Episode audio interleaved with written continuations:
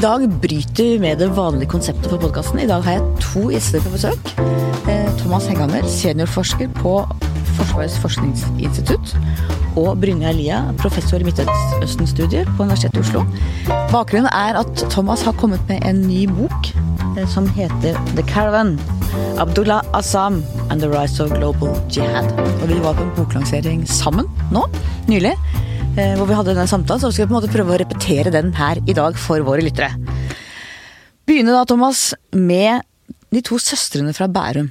Da de dro, så eh, sendte de en bok til foreldrene sine for å forklare hva de hadde gjort, hvorfor de hadde gjort det de hadde gjort. Fortell om det. Ja, i 2013, når de to søstrene, som Åsne Seierstad skriver om i sin bok, når de reiste til Syria, eh, så dro de jo uten å fortelle foreldrene først. Og når de var kommet et stykke på vei, så sendte de en mail til sin far som bare sa 'les dette'. Og i vedlegget var det en bok av Abdallah Zan, han som jeg skriver om i min bok. Hvem var han, og hvorfor var det han de etterlot? Abdallah Azam er en av de aller viktigste skikkelsene i jihadismens historie. Han er ikke så veldig kjent fordi han døde i 1989 allerede. Eh, men han var veldig viktig fordi det var han på en måte som bygde opp jihadistbevegelsen i starten. Det var han annet som leda mobiliseringa av fremmedkrigere til Afghanistan på 1980-tallet. Så han er på en måte fremmedkrigervirksomhetens far. Og kan vi si at det var fra Afghanistan-miljøet, fra dette miljøet med fremmedkrigere, at hele den internasjonale jihadist-terrorbevegelsen steg opp? Ja, det, det, det kan vi si. Eh, Al Qaida f.eks. ble danna eh, i 1988 eh, i Afghanistan. Eh, og mange andre jihadistgrupper som var aktive på 90-tallet og 2000-tallet, de hadde opphav eh, på 80-tallet i Afghanistan. Så det er på en måte det er kilden, eller på en måte krybben, til hele bevegelsen. Hadde vi hatt Osama bin Laden uten Assam?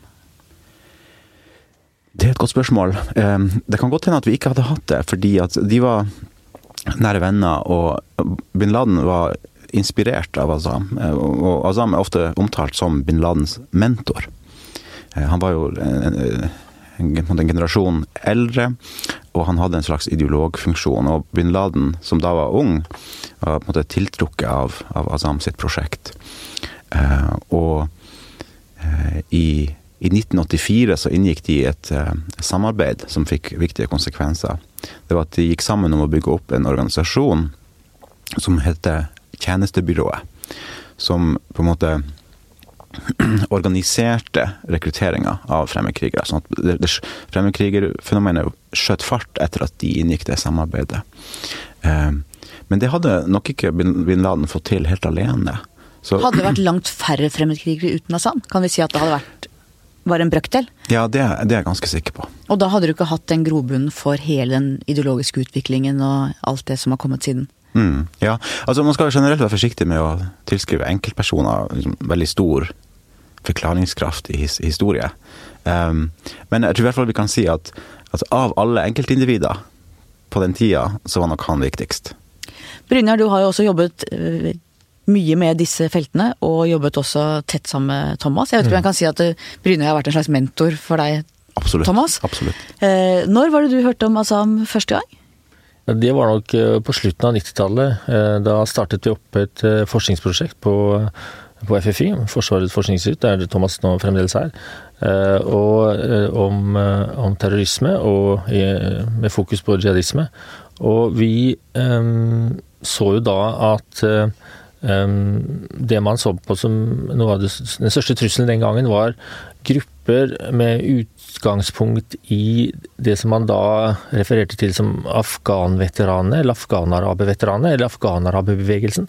Og det var flere eh, grupper i Midtøsten, fra Algerie til Egypt til Jemen og, og, og, og, Somalia og Etiopia også, som eh, hadde um, afghan-araber-veteraner eh, som en kjerne i gruppen, spesielt i, i, i Algerie. Og, og på 90-tallet så ble jo borgerkrigen i Algerie veldig, veldig, omfattende og stor og veldig blodig. Så, så så, og denne gruppen gjenførte også terroraksjoner inn i Europa. Og, eh, men i, i, når vi nøstet opp i disse miljøene, så så, så vi jo uh, selvfølgelig bin Laden som en skikkelse som ble referert til som en saudisk uh, finansiør eller dissident osv. Ikke nødvendigvis som terrorist på, på 90-tallet. Uh, etter 98 så selvfølgelig var han, var han det. Men, men, i bakteppet her så dukket Azam sitt navn opp som en, en veldig viktig skikkelse for fremveksten av, av hele af afghanerbevegelsen. Men man, man, visste lite om Azam. Eh, det, var, eh, det fantes bare kapitler og, og enkeltartikler om han. Eh, og slik at Thomas' sin bok fyller jo et stort tomrom i vår kunnskap om, om hele afghanerbevegelsen og, og Azam mer spesifikt. Er det riktig å si at Assam eh, laget eh, det teoretiske grunnlaget for fremmedkriging. Altså var det han som skapte eh, legitimiteten rundt å reise til andre land og drive krig for å hjelpe trosfeller? Eller fantes det som en tese fra før? Eh, begge deler, på en måte. Altså, ideen om eh, måte, Eh, militær solidaritet, eh, eller solidaritet mellom muslimer, den, den er jo eldre eh, og, bredere. Men det som Azam gjorde, var at han tok den, den gamle ideen om at, at muslimer måtte ha et ansvar for å beskytte hverandre og sånn. Og så tok han på en måte og tolka det mer militært, og så tok han og forklarte hvordan det her passa inn i den moderne verden, med nasjonalstater osv. Så, videre. så han var den første som, måtte, som, som kom med en slags med, med en doktrine eh, som var tilpassa moderne tider, som sa at eh, hvis eh, et eh, muslimsk land er under angrep eller okkupasjon noe sted, så har alle verdens muslimer utenfor det landet et også et ansvar for å reise dit å, å beskytte det. For nasjonalstaten var jo et ganske nytt konsept i den muslimske verden. Det hadde vært under det ottomanske riket helt annerledes organisert fram til, ja, helt fram til slutten av første verdenskrig. Sånn at man trengte kanskje eh, i de delene av verden et slags teoretisk grunnlag for å håndtere nettopp nasjonalstaten og en annen måte å tenke på. Ja, absolutt. Så, så, så han, han, er på en måte uh, han, er, han, er, først og fremst en, sånn, en, sånn ideologisk sett så er han kjent som den som eh, la grunnlaget for fremmedkrigvirksomhet sånn ideologisk, som legitimerte det, som, som forankra det i eh, religiøse tekster. Og han var jo utdanna teolog med doktorgrad eh, fra eh, et av de aller fremste lærestedene, så han hadde stor autoritet. Og han liksom kunne, han kunne formulere teksten øh, og tekstene sine på en, på en måte som ble oppfatta som måtte, Eh, legit, legit, et legitimt religiøst eh, måte, Med en legitim religiøs mening. Så um, samtidig som han, han, han, han, kunne skrive relativt enkelt, sånn at folk forsto. Litt tabloid? Ja, litt. Ja. Mm. Men så undergravde han vel også andre autoriteter. Det er vel også et viktig element at han sa at dere skal ikke høre på hva noen ledere eller andre sier, dere skal liksom følge deres egne ønsker. Det, på den måten banet han vel veien for ganske stort kaos. Ja, og, og i, i, i, boka mi så, så, så, fremhever jeg det som hans kanskje måte, viktigste eh, bidrag sånn i, i bredere forstand. Altså, Azam er ofte omtalt som på en måte, jihadismens måte, far, eller ofte av noen eh, assosiert med Al Qaida. Han er presentert som en, måte, en som kommer med et veldig radikalt budskap, og, og at, det, liksom, at det er noe Eh, at det, det, er noe med liksom radikalismen i, i, i, det han sier, som, som på en måte eh, er farlig. Men, men, men, sånn som jeg ser det, så er det ikke akkurat det her med at han snakker om krigføring som er, som er så farlig, eller som, som, har så store konsekvenser. Det er først og fremst det at han, at han, han undergrav, undergravde religiøs autoritet i, i, i, deler av islamistbevegelsen. Fordi han sa at um, eh, hvis et land er under angrep, så har som sagt alle andre muslimer et plikt til å reise dit. Og det skal de gjøre uavhengig av hva andre måtte si. Det var hans poeng. Han, man skulle ikke lytte til sine foreldre, man skulle ikke lytte til lokale, ens lokale imam eller andre. Fordi at hans, hans budskap var at det her var en sånn krystallklar, et så krystallklart påbud. At uh, alle innvendinger skulle man bare avfeie. Og problemet med det er jo at når du har fortalt noen at de ikke skal høre på noen andre, så de, kan du få et problem hvis de da slutter å høre på deg. Og det var det som skjedde. Uh, at uh, man fikk en en, en gruppe med, med, mennesker som slutta å lytte til autoriteter, inkludert Azam selv. Så de ble eh, de, de, de, kunne ikke lenger kontrolleres. Han fødte et monster, rett og slett? På en måte, ja. Absolutt. Han åpna Pandoras eske.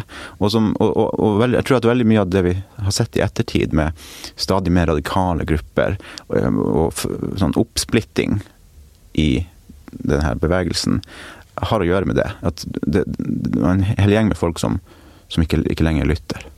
Tror du Brynjar, at dersom vi bare hadde, hatt den delen av Sam hvor han snakket om fremmedkriger og plikten til å kjempe, men ikke hadde brutt ned autoriteter, hadde vi da unngått en del av den terroren vi har sett? Eller var det ugjenkallelig uansett?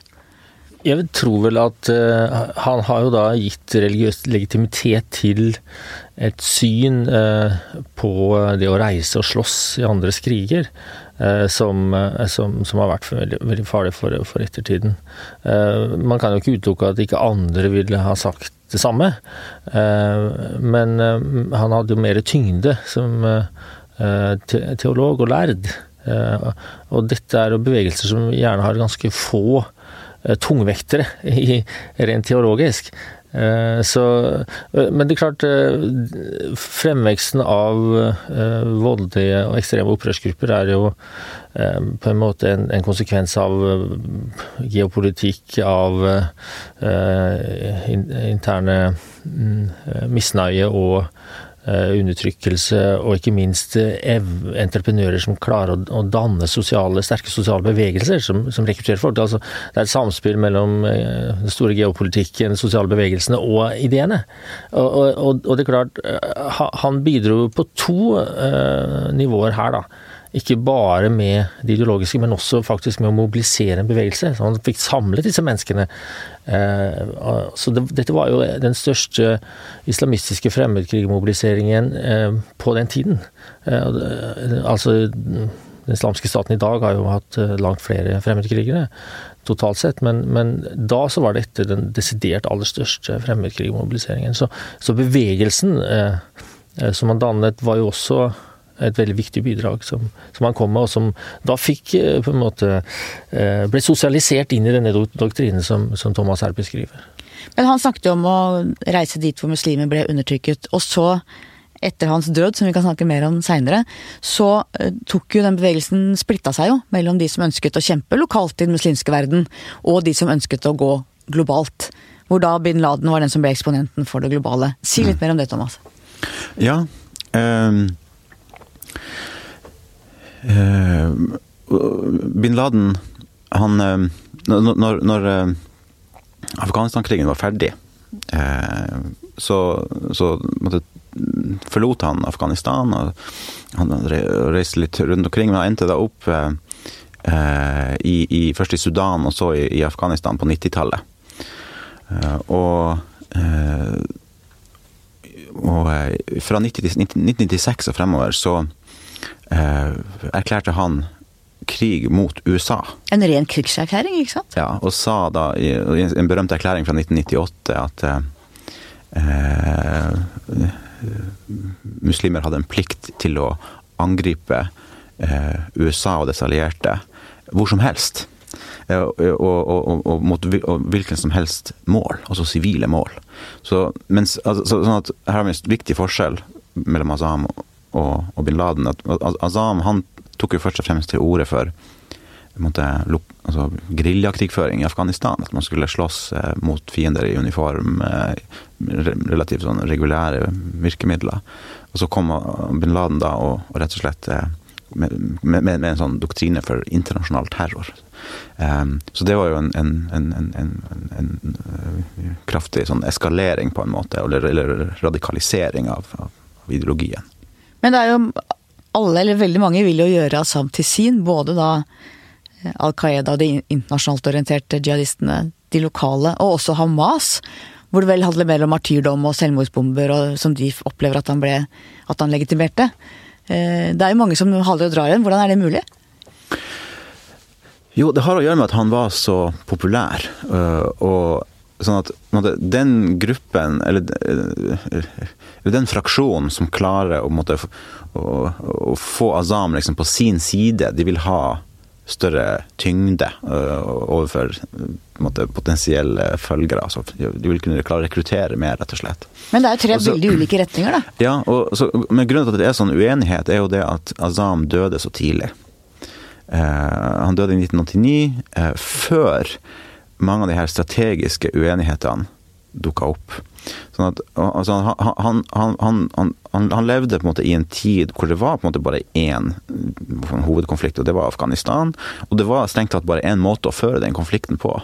Um, det var på en måte en sånn konvensjonell krigføring i, i Afghanistan. Sånn han, han, er liksom ikke liksom on the record, som det heter, med noen uttalelser eh, som, som, berører spørsmålet om hvorvidt man skal angripe USA, eller hvorvidt man skal følge andre strategier. Så han, så han, han er bare, han, han er bare nedtegna med eh, sånn generelle utsagn om at jihad er flott og osv. Og, eh, og alle må få utføre jihad. Og, og, at når da Sånn er på en måte eh, som, som, som poteten kan brukes til alt. Eh, og, og, derfor har da grupper av eh,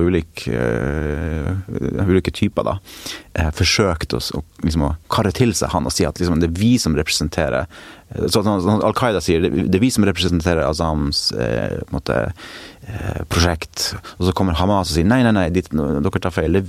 Azam han var, en, han var, en, han var Palestinas mann. Eh, og så kommer andre og sier at nei, de tar begge feil. Azam han, han sto for noe annet, noe mer moderat, en måte type ren jihad osv. Så, videre. så Så det er noe med at han, han døde på rett tidspunkt. Ja, også for at vi, bin Laden hadde heller ikke uttalt seg om noe annet. altså Den splitten var jo ikke skjedd ennå, så ingen kan vite hvor han ville havna, han ville fulgt, hvem han ville fulgt. da. Nettopp. nettopp. Og, og, og, eh, og det er jo en det, det, er ganske mange som måte, mener at Azam representerer en sånn type ren jihad-form, uh, altså som, som, som, handler om å, om å, slåss bare i konfliktområder mot uh, fiender i uniform og sånn her. Ren krig, med. Ren krig, liksom. Ja. Og, og, og um, men, og, som, sier, som sier det at Azam hadde aldri kommet til å godta det som bin Laden gjorde, og i hvert fall ikke det som IS kom til å gjøre. Um, og det er nok mye i det, men jeg tror kanskje at det, argumentet har blitt trukket litt langt, fordi at, uh, som du sier, vi, vi vet han, han, kun, han, kan ha endra mening. Han, han, kunne ha endra mening på 90-tallet hvis han hadde levd uh, da. Og uh, på 80-tallet så, så, var det jo ingen andre heller som tok til orde for internasjonal terror. Bin Laden, ikke bin Laden heller. Sånn at Eh, det blir litt sånn gjetning, da. Og, og, og, og når, det, når, det, er det her med hva han, hva han ville blitt. Kan du Brynjar, si litt mer om martyrdelen av det? Selvmordsbombing, ja, eh, martyrets plass? Ja, absolutt. Eh, jeg, jeg syns, eh, jeg håper Thomas er enig, at, at hans vektlegging av martyret Eh, det å ofre sitt liv i kampen og, og de miraklene som skjer med martyrer. Altså, det er en hel kultur rundt dette som, som, som er blitt videreført etter, etter Azam. Eh, dette med at man skal gifte seg med disse jomf 72 jomfruene, som, disse horiaene som venter på en i det hensidige, og at man skal gråte hvis man ikke blir drept på slagmarken den, den dagen, fordi da eh, eh, Da mista du på en måte eh, den Eh, bryllupet ditt, kan du si, med, med disse horiaene. Altså, det, det lages en, en, veldig sterk kultur rundt, eh, nærmest en slags dødskultur rundt martyret, som kanskje bygger ned frykten for, for å dø, rett og slett. Men, Men kan vi si at ja. det var pga. Sam at dette ble et politisk verktøy for Hamas og andre i palestinske organisasjoner? altså, min forståelse er at uh, Azam og for så vidt uh, andre senere um, var med på å uh, lage en martyrkultur som ikke fantes så tydelig, eller nesten ikke i det hele tatt, hos, hos de sosiorevolusjonære jihadistgruppene tidligere. Eller samtidig, hvis, hvis, du ser på egyptiske jihadistgrupper på 70-tallet, sy syriske jihadistgrupper på 70-80-tallet, så, så, finner du ikke denne voldsomme vektleggingen av, av martyrer. Mens, mens Azam kan nesten ikke, i hvert fall noen av hans skrifter, kan, kan nesten ikke åpne munnen uten å snakke om, om dette med, med martyret. Eh, du er martyr hvis du omkommer i en ulykke på vei til flyplassen eh, i taxien, eh, når du, når, så lenge intensjonen er å reise til jihad i Afghanistan. Altså, det, det, er, det er, en sånn opptatthet av, av, av martyret som, som, som, du ikke finner til andre steder. Jeg vet ikke om du er enig, Thomas? Jo, jeg er helt enig. at, at Uh, han kommer med noe, med noe, med noe nytt. Så det, det, er elementer av det her i, i tidligere grupper. Uh, og også i Palestina, for, for, for så vidt. Uh, men, men han, han, han, han, skrur opp volumet veldig, og, og, tar det til et helt annet nivå på, på 1980-tallet. og jeg tror kanskje den, her, den der, liksom, den der religiøse dimensjonen eh, ofte kan bli litt borte i måte, vestlige akademiske analyser, fordi så mange vestlige akademikere er, er ateister.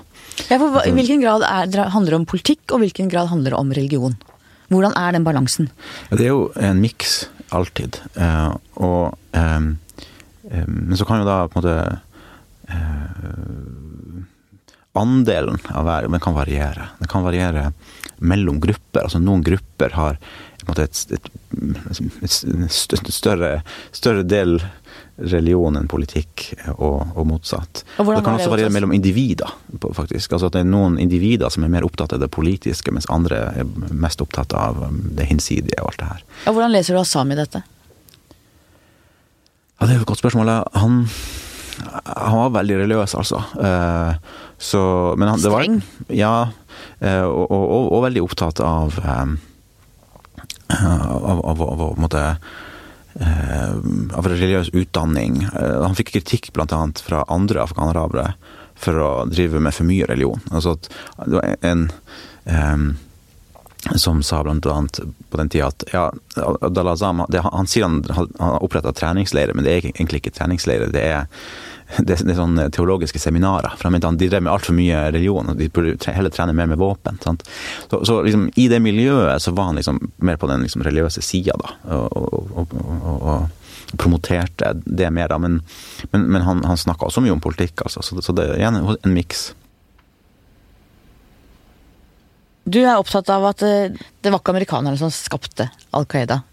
Da må vi komme, reise til Peshawar, hvor du har snakket med to av de tre CIA-operatørene som var i Peshawar, altså i grenseområdene mellom Afghanistan og Pakistan, på den tida. Hva sier de, hva forteller de? Ja, altså de, de sier at de, de, de hadde eh, aldri noen sånn befatning med verken Azam eller andre afghanarabere. Eh, og nå kan man jo selvfølgelig eh, må man selvfølgelig være skeptisk til det, eh, til hva en spion sier, da. Men eh, Eh, må, men, må, men, men, jeg dømmer det, jeg anser det som troverdig.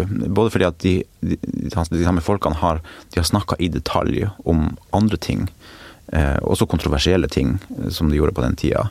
Eh, men som de likevel sier, for at det, det, har gått så lang tid, så det er ikke så stort problem. Og, eh, så må vi eh, også tenke på liksom, logikken i det her. Altså at de var, de, var, tre eller fire operatører i Pakistan som liksom hadde ansvar liksom for å koordinere den amerikanske støtten til de afghanske mujahedin. Um, og Det var snakk om gigantbeløp, altså flere titalls millioner dollar i året. Enorme kvanta med våpen. Her skulle til de store styrkene uh, på afghansk side. Altså, og De afghanske mujahedin de var jo 100 150 000 soldater. Eh, og, så, og, alt, og, underveis så skulle det her koordineres med pakistanske sikkerhetstjenester. Det er en kjempejobb. Og så liksom, i, i, alt det her store, i det, i det her store spillet så har du da et bitte, bitte lite antall arabere. Eh, de var utrolig få sammenligna med, med afghanerne. Det var, det var aldri mer enn 2000-3000 eh, arabere i, i, Peshawar. Altså det er jo en by i Pakistan. Og det var eh, eh, sjelden mer enn noen få hundre arabere inne i Afghanistan og slåss til, til enhver tid. Sånn at de var helt ubetydelige eh, i den store sammenhengen. Så det, det, det, det, faller litt på sin egen urimelighet at de her to-tre CIA-operatørene skulle bruke tid på de her få araberne. Sånn at jeg finner deres uh, vitnesbyrd troverdig. Men jeg må legge til at uh, de er jo ikke det eneste beviset i saken, fordi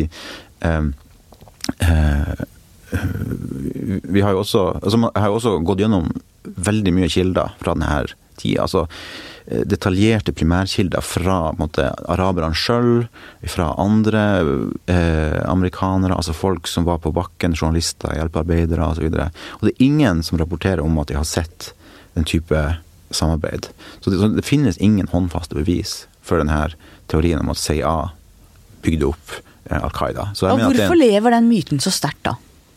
Hvem har interesse av det? Jo, jeg tror altså, på en måte eh, Det handler kanskje om litt forskjellige ting eh, hos forskjellige eh, folk som, som, som, som, kommer med den påstanden. Men altså, i beste fall så er det en misforståelse.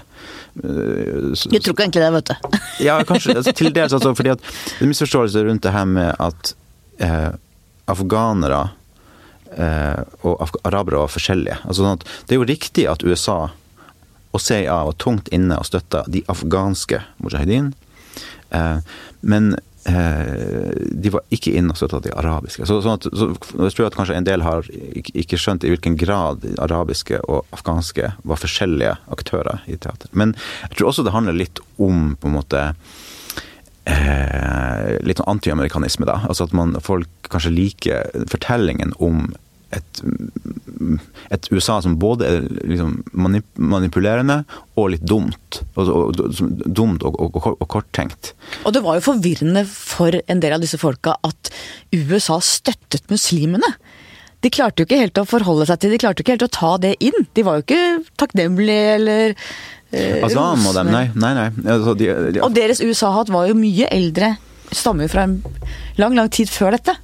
Ja, altså jeg, jeg, sliter med å komme på et historisk eksempel på et ikke-vestlig land som har støtta et muslimsk land i nød mer enn det USA gjorde for Afghanistan på 1980-tallet. Vi snakker om flere hundre millioner dollar. Og, og, og, de, og, nå var de ikke alene om å hjelpe afghanere, men de, de, de, ga en tung støtte.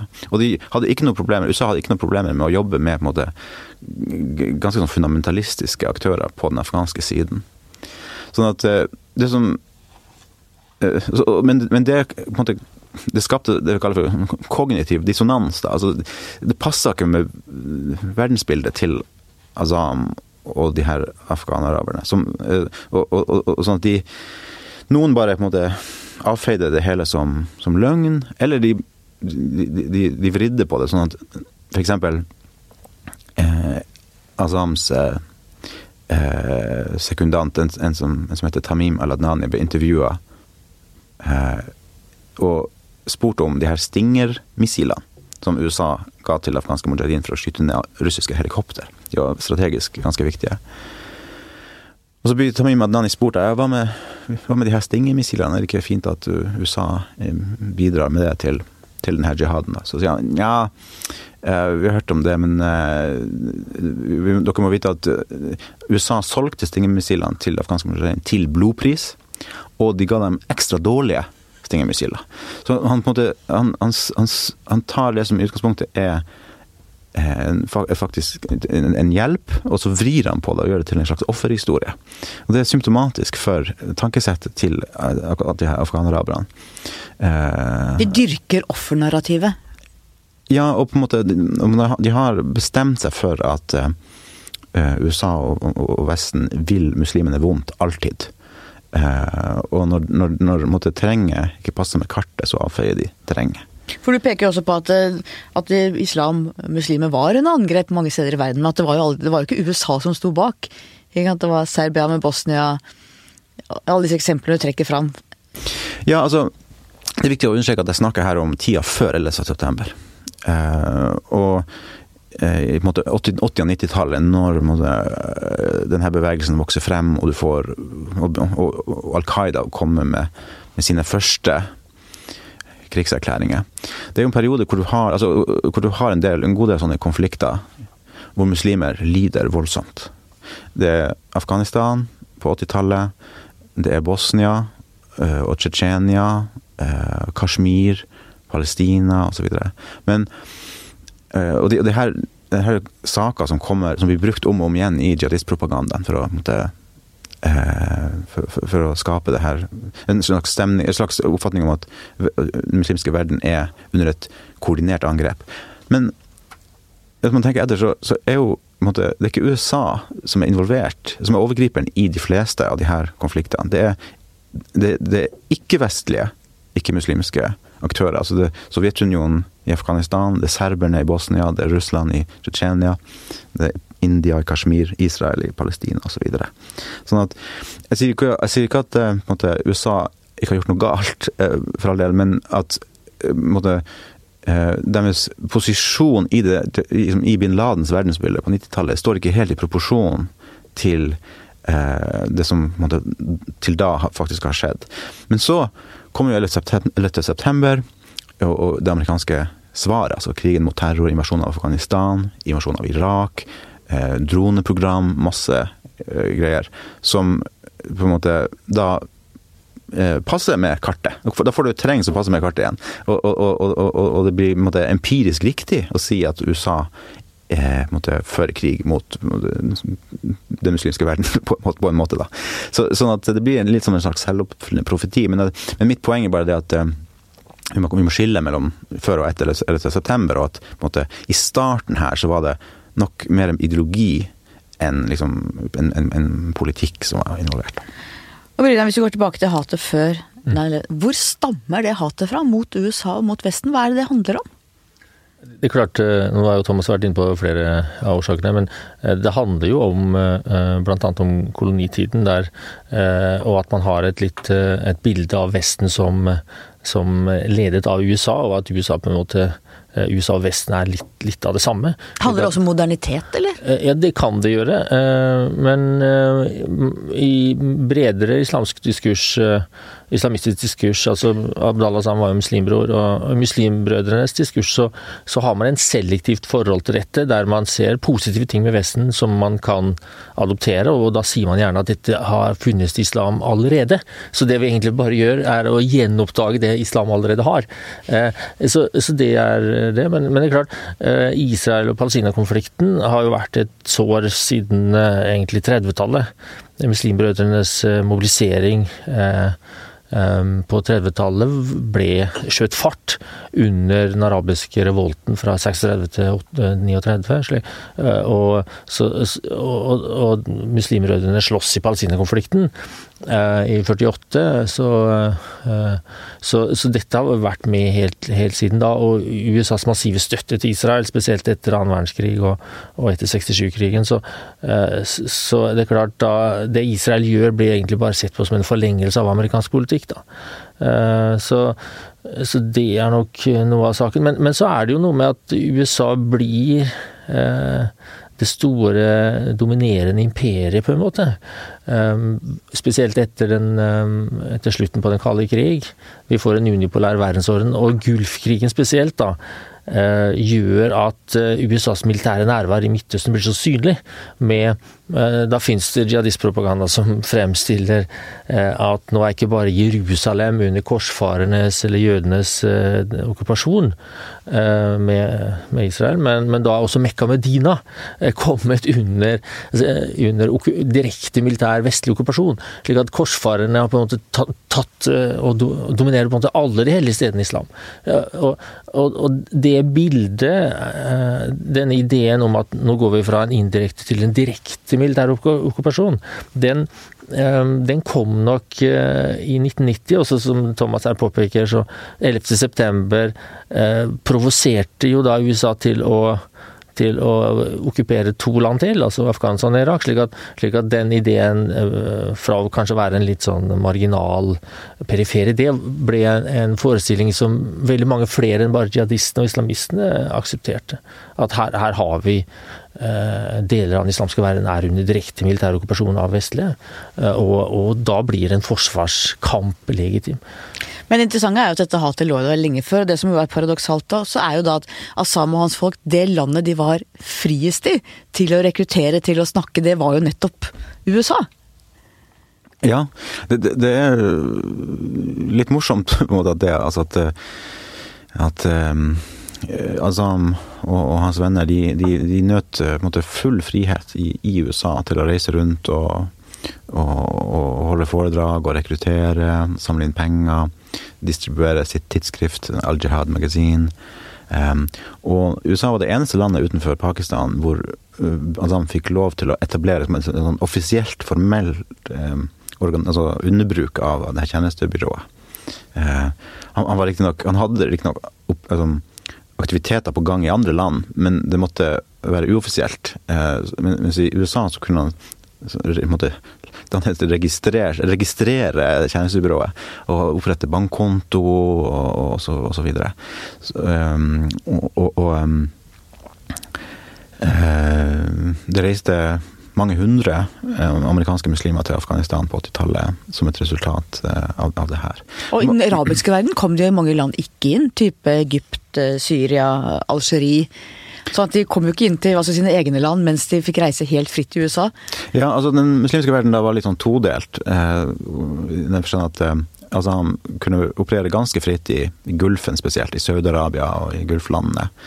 Eh, men i mange andre land, og spesielt i de her eh, republikkene, som vi kaller dem, altså Syria, Egypt, Algerie og sånn, så, så, var han ikke velkommen. Og, og, og eh, mens, mens, mens, USA, som jo har eh, som, som hadde politisk eh, frihet, og, og som, som, har, har jo, som, jo, har, i enda større grad enn Europa da, en slags sånn toleranse for religiøsitet. Eh, der, der, der, der, fikk han og, og mange andre eh, operere uten, uten innblanding, da. Det er ikke før på altså, det, eh, For å på en måte sjekke det her, så, så, så fikk jeg henta ut sånne tidligere graderte dokumenter fra FBI eh, om Azam, for å se hva de visste, og hva de fulgte med på på den tida.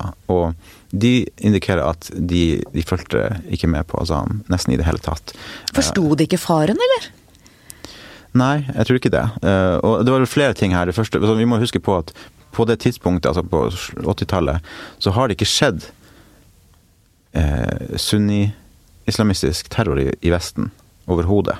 Sånn at eh, ideen om at de her folkene på, på, på et tidspunkt kan liksom begynne å, å sprenge bomber, det, den, den, den, den var ikke i, i, folks bevissthet. I den grad man frykter noe, så var det vel Shia fra Iran, ja, det altså iranske sånn, regimet, som jo hadde sine folk Ja, det var steder. litt sånn i Europa, blant annet på, på 80-tallet. Men, men, eh, det var, men sånn, sunni-islamister som Azam hadde, hadde ikke gjort noe i i Vesten på det tidspunktet. Så det var én ting. Og så har du den andre viktige faktoren, som jo, det, som jo er det at USA sjøl støtta Afghan, altså, øh, kampen i Afghanistan. De var på samme lag. Så, liksom, så de, folk tenkte nok at ja, her er vi inne, og, tungt inne i Afghanistan, og vi, vi har samme mål. Få eh, Sovjetunionen ut derfra. Og da skal ikke vi bruke tid og energi på å stoppe de her øh, folkene som, som vil reise dit som krigsfrivillige. Min fiendes fiende er min venn. Ja. Men er dette også, Brynjar, illustrerer dette også de liberale demokratienes dilemma i møte med denne type krefter? Eh, ja, på en måte gjør det jo det. Ehm, nå er det jo et geopolitisk spill her eh, som, som skaper denne situasjonen. Eh, og, så er det jo nettopp det at det ikke er en forhistorie. Vi, vi, vi kunne ikke på en måte se at Al Qaida eh, skulle vokse ut av dette miljøet, og at Al Qaida skulle bli radikalisert. For det, er også en prosess her. Eh, eh, så, så det, er, det, er, vanskelig å være etterpåklok sånn sett. Liberale demokratier har jo en fantastisk evne til å tilpasse seg ulike sikkerhetstrusler. Vi har en helt annen bevissthet, og vi har mekanismer og, og, og prosedyrer for å håndtere denne type sikkerhetstrusler i dag enn vi hadde tidligere. Eh, så, eh, så noen land har kanskje gått altfor langt. Frankrike har vel sendt spesialstyrker til Syria for å, for å jakte på egne borgere blant fremmedkrigerne der nede under krigen. Som, som, som, for mange vil kanskje fortone seg som man har gått altfor langt. Slik at jeg tror kanskje ikke at det liberale demokratiet som sådan ikke er i stand til å, å å, å, bruke en lang rekke virkemidler i, kampen mot terror uten å, uten å måtte, måte, oppgi demokratiet. Eh, for, for, det er ikke en dikotomi her at det er bare autoritære regimer som evner å, å, å bekjempe terror. Jeg tenkte også på dette at, at vi har frie samfunn hvor hvor en del av den friheten er at folk kan få lov til å, å, uttrykke seg fritt på måter som også undergraver de frihetene vi har. Dette er jo mennesker som ikke ønsker verken demokrati eller ytringsfrihet eller kvinners likestilling eller noe som helst. Og så sier vi at det, dette er et fritt samfunn hvor du får lov til å si og gjøre hva du vil, også undergrave de verdiene vi er opptatt av. Hva tenker du om det, Thomas? Ja, absolutt. Jeg vil bare måtte, følge opp det som Brynjar sier, for det er veldig viktig at eh, våre liberale demokratier de er veldig dynamiske og, og, og, og kan tilpasse seg veldig fort. Og, jeg, jeg tenker at Vi har jo nå gått gjennom noen år i Europa med mye islamistisk terror. altså Midten av 2010-tallet var jo på en måte Da hadde vi en bølge med, med, med, vold. Og da var det ganske mange som hadde en slags oppfatning om at måte, Europa var svakt og sårbart. At vi på en måte var naive overfor islamisme og terror og det ene med det andre. At, um, og, det, og, at det var fordi at vi var så, så liberale og, og, sånn her. Men det som altså, altså, Min tolkning av måte, det som har skjedd i siste halvdel av 2010-tallet, er jo det at Europa har vist seg å være handlekraftig eh, og måte, sterk sikkerhetsmessig, og, og, og, i noen tilfeller kanskje i litt for stor grad. Men, men altså, Europa, Europa, europeiske land har i høyeste grad klart å håndtere denne trusselen, og, og på en måte slå den tilbake. Sånn at eh, ja, de, vi er på en måte til en viss grad så, så, sårbare for måte, utnyttelse av aktører hvis meninger vi ikke liker. Men, men, det er ikke en permanent tilstand. Vi kan forsvare verdiene når vi føler at det er ja, og, alltid så på spill. Ja, og det, det øyeblikket de aktørene måte, går utover det å ytre sine måte, upopulære utsagn og gjøre ting, da er våre stater i høyeste grad i stand til å håndtere det. Eh, voldens utspring. Eh, vi kommer ikke utenom Det muslimske brorskap. Sayud Qutb og Hassan al-Banna, og måte der det kommer fra i Egypt. Brynjar, fortell om det kort. Ja, altså eh, brorskapet, Det muslimske brorskapet er jo eh, moderbevegelsen til all moderne islamisme. Eh, ble etablert i Egypt i 1928 av en skolelærer, Hassan al-Banna, og vokste ganske raskt til å bli en massebevegelse.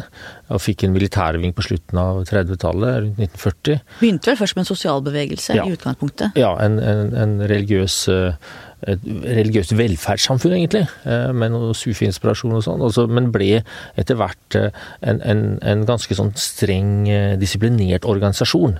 Med ulike nivåer for medlemskap osv. Og, og med, med, med, et veldig stort innslag av ungdom. Og også en sekulær middelklasse, lavere middelklasse. Um, og mindre innslag av egentlig eh, folk med religiøs utdannelse.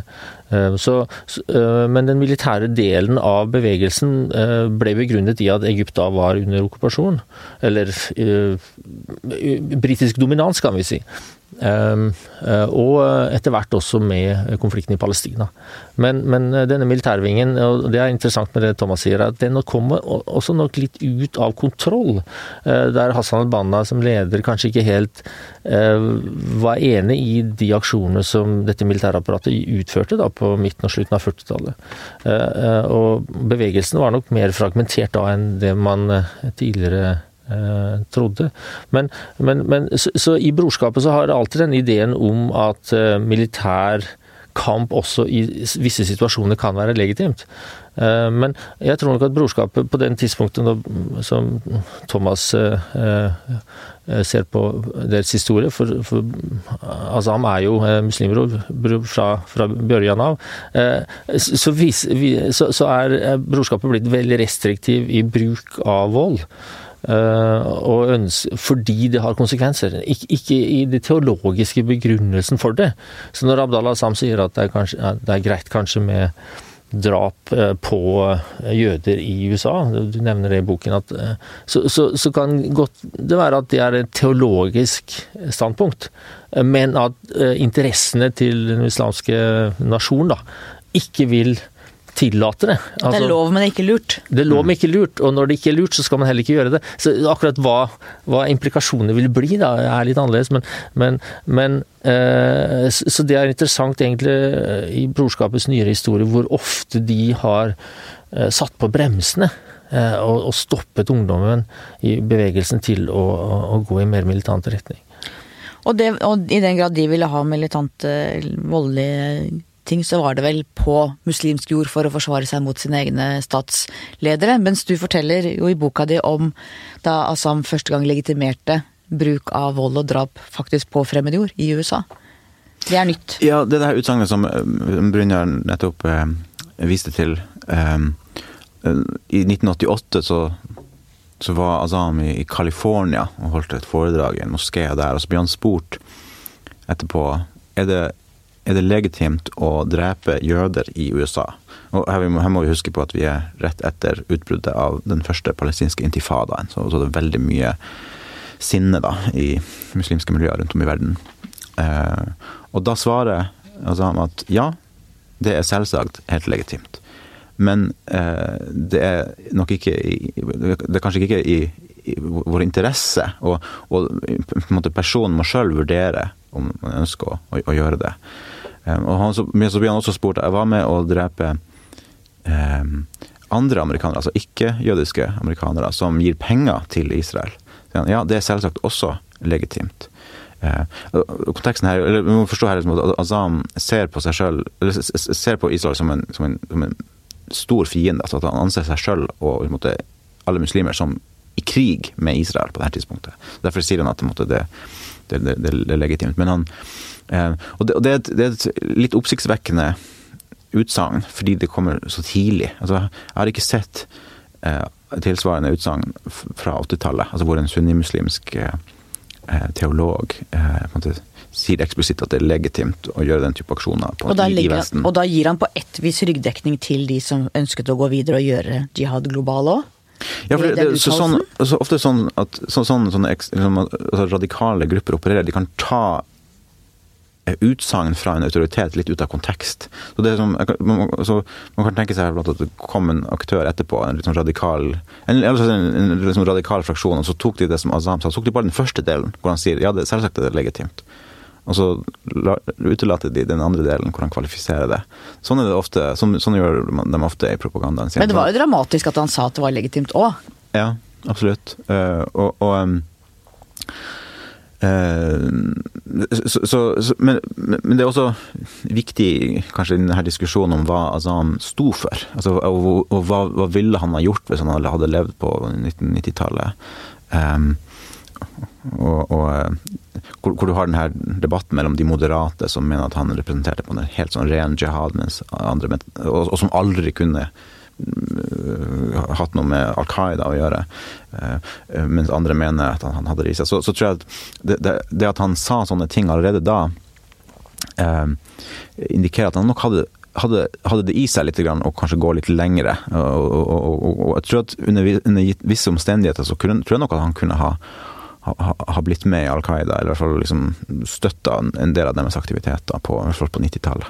Men, men, men, hadde han gjort det, så tror jeg ikke han hadde levd i dag. Han hadde, hadde han blitt eh, tatt ut, tatt, som det heter. Tatt ut ja, på et eller annet tidspunkt uh, underveis.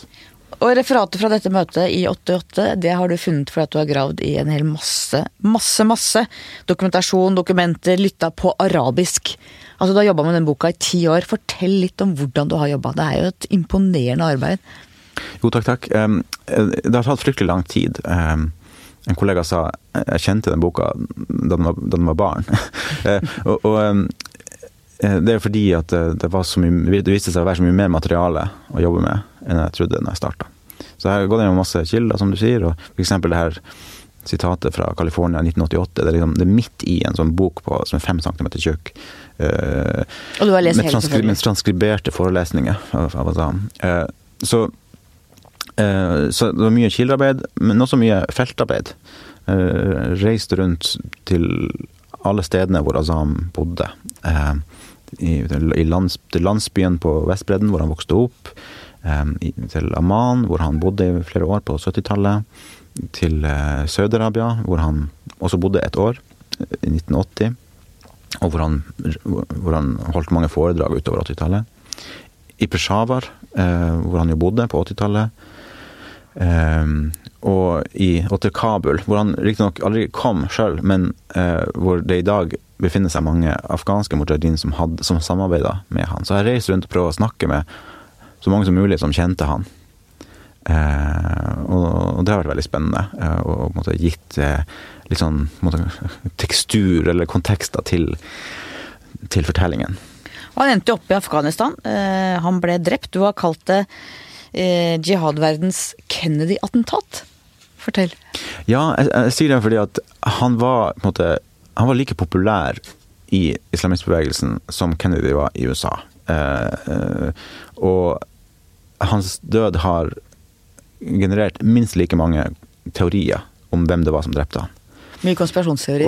Det, det, det, diskuteres den dag i dag. Uh, altså, ukentlig ser jeg nesten på, på Twitter at det er liksom noen som, som måtte diskutere det, det, drapet. Det kom et spørsmål på boklanseringen i går også, en som hadde en egen teori? Ja, eh, og det, altså, det har i hvert fall vært en titalls teorier, med alt ifra altså, at det var Osama bin Laden, eller at det var Ayman Adawahri, han som er leder i Al Qaida i dag. eh, som, var, som, var, som, vi vet var uvenn med, med Azam på den tida, eh, via eh, CIA og Mossad, via jordansk etterretning, via afghansk etterretning, eh, eller russi, altså sovjetisk etterretning. Masse forskjellige teorier. Og hvem tror du det? Eh, jeg treffer ikke noen konklusjon. Men jeg peker ut en måte, måte favoritt. og det er, Din teori? Ja, min teori det er at, at, det var pakistansk etterretning som gjorde det. Eh, delvis fordi de ville ha araberne ut av eh, Pakistan. De, de, de, var en, de, de, de laga for mye ugagn. De var ikke mulig å kontrollere og, og skapte masse problemer. Og eh, allerede i 1988 så kom det en viktig sånn fredsavtale eh, mellom de krigende parter, hvor Pakistan hadde lova det internasjonale samfunnet å forhindre araberne i å krige over grensen. Eh, så det var én ting, at de, de, ville ha araberne ut. Og det andre er at eh, eh Azam blanda seg inn i maktspillet mellom afghanske krigsherrer. Og Pakistan, og pakistanske etterretning de hadde en, hovedmann som de støtta, som var uh, Hekmatyar, heter han. Um, og Hekmatyar hadde en rival uh, om makta uh, i Afghan, til et, i, i liksom et, et, et et postkrig-Afghanistan. Det var en som heter Masud. Uh, og Azam han, var, han, han ønska samhold og enhet mellom de afghanske fraksjonene. Så han, han drev med sånn slags diplomati mellom Hekmatyar og Masud. Og, og, og, han var, og, og, Azam var egentlig Han hadde stor sympati egentlig for Masud. Eh, sånn at ISI, eh, de altså pakistansk etterretning, jeg, jeg tror de eh, mislikte at Azam drev med det. Jeg tror de, Pakistan, for Pakistan så var det bare fint at afghanerne var splitta. Det, det, ga, det ga dem sjøl mer makt. Det var de svakere, ja. Så, sånn at um, der, der, en, der, der, har man, der har man i hvert fall et motiv. Pluss at det er jo måte, Det er jo ingen som, hadde, som det var lettere for altså, å utføre operasjonen enn pakistansk etterretning. For de, de, hadde jo ikke noe på en måte, politi å, å, beskytte, å, å bekymre seg over. De trengte ikke å bekymre seg for å bli oppdaga av noen. Sant? Uh, men jeg har ikke noe fellende bevis, så jeg kan ikke, jeg kan ikke konkludere. Du diskuterer i slutten av boka di Eh, hvor ville Assam vært i dag? Hva hadde skjedd hvis han fortsatt hadde levd? Eh. Ja, det var vi jo litt inne på i sted. Eh, og, og jeg tror som sagt at han, han, kunne ha gått i en mer radikal retning og blitt en del av kretsen rundt bin Laden i Al Qaida, på, på 90, i hvert fall på 90-tallet. Um, altså Hvorvidt han hadde støtta opp om denne fullskala krigen mot USA med fly inn i bygning osv., det er jeg ikke fullt så sikker på. Men, men at han kunne gått et stykke på vei ned den, ned den, ned den veien, det, det, det, tror jeg nok. Men han kunne også gått i en annen retning. Han kunne måtte, engasjert seg mer i Palestina-saken. Fokusert på Hamas sin kamp mot Palestina. Eller han kunne blitt en slags sånn, en sånn mellomposisjon, en slags sånn grand old man som kanskje bodde i Peshawar og kom med bøker annethvert år, eller kanskje hvert år, da, om, kanskje om Bosnia, om Tsjetsjenia og Palestina og, og sånn her, da, uten å være direkte involvert i noe militær virksomhet. Og hva nå? Hvor står vi nå i forhold til den jihadistiske trusselen? Brynjar? Altså, vi eh, har jo eh, en, en eh, en litt ny situasjon med at IS er nedkjempet som en territoriell aktør i Syria og, og Irak. Og de, ja, de har mista områdene sine. Ja, de har mista områdene sine. Så de er ikke lenger en stat med eh, stort apparat og, og treningsleirer osv. Men det er overraskende mange eh, angrep fra eh, bevegelsen fremdeles, i både Syria og Irak. Eh, så aktiviteten deres har gått ned, men det er, det er en annen type krig. Eh, som foregår. Eh, så IS er slett ikke slåss, slått eh, eller nedkjempet militært i det området. Altså, og så har jo da det, det, som, det, som, har skjedd de siste årene, er jo at det har vokst fram både eh, over to tiår en, en Al Qaida-allianse med, med, mange avdelinger. Eh, fra Magreb, Jemen, eh, Irak og, og, og Somalia og, og India-Pakistan. Eh, mens mens, fremveksten av IE skapte en konkurrerende allianse eh, med sine lokalavdelinger, også fra, fra Afrika, Midtøsten og til Asia. Og, så det, det, det, landskapet vi har nå, er, er, er, er veldig stort. Og, og, og ev, disse to jihadistbevegelsene evner på en måte å flytte fokuset der, der det går best. Slik at uh, man er ikke avhengig av, at, av én front. Det er en multifront krig, på en måte. Og, og det, det, som har skjedd nå, er at Midtøstens eh, plass i jihadistisk vold er blitt mye mindre. Mens eh, volden i, i Sahel-området f.eks. har gått uh, mye opp de senere årene.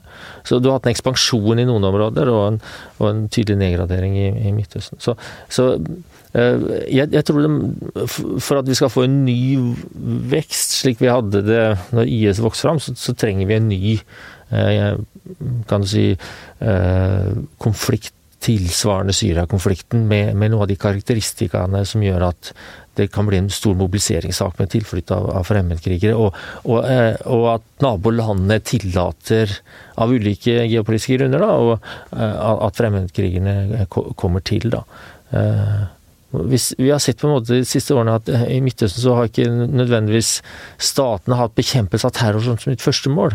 Når det er en, en borgerkrig og en konflikt, så, så slåss de mot, mot, andre partnere eller andre mot, motstandere. Og så er eh, jihadistene Kommer de inn fra sidelinjen, eller det blir eh, Og, og de, de, får et eh, handlingsrom, av og til til og med direkte støtte fra en av partene, fordi de ikke ses på som den viktigste utfordreren til, til de lokale, lokale maktaktørene.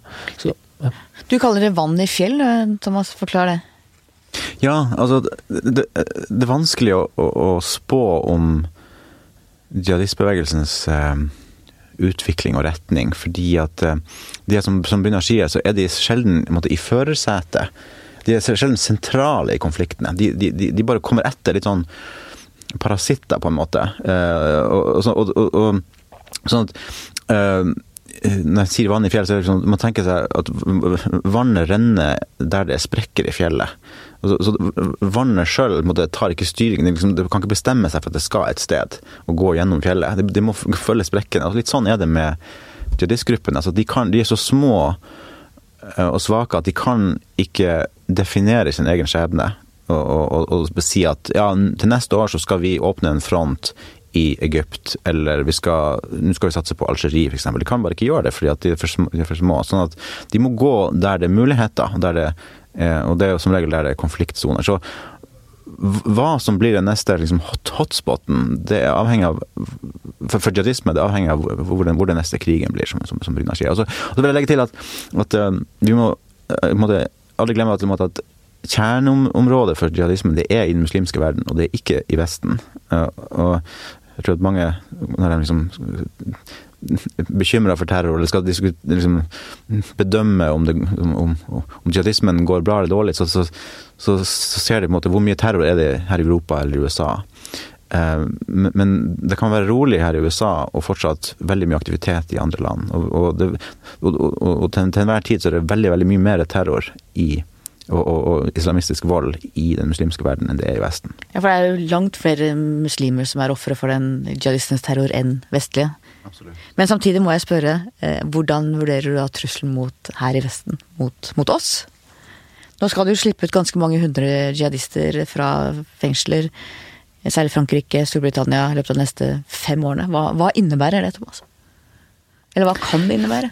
Ja, som vi var litt inne på tidligere, så, så har jo europeiske land tatt veldig mange harde grep eh, for å håndtere terrortrusselen. Um, strengere overvåkning, lover mot fremmedkrigervirksomhet, sensur av propaganda på internett, lengre fengselsstraffer, masse greier. Altså eh, stenging av moskeer, um, repatriering av uh, såkalte radikale imamer, fjerne, ta bort statsborgerskap. Altså det er en voldsom en måte, represjon som, har, som, som, som nå, nå, har vært i sving. Så det er mye vanskeligere å være jihadist i Europa i dag og skulle starte noe.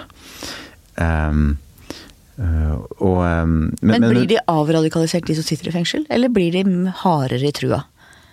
Det varierer nok fra person til person, men jeg tror at i, sto, i stort så, så, så, vis, så, viser vel altså, Det vi vet så langt, er at det er ganske sjelden at folk snur helt. Og, og, så man snakker derfor Man skiller ofte mellom eh, deradikalisering og demobilisering. Altså det som oftere skjer, er at folk beholder sine, sine, sine radikale ideer, men de, de, demobiliserer. De slutter å være aktive eh, og, og prøver å gjøre ting.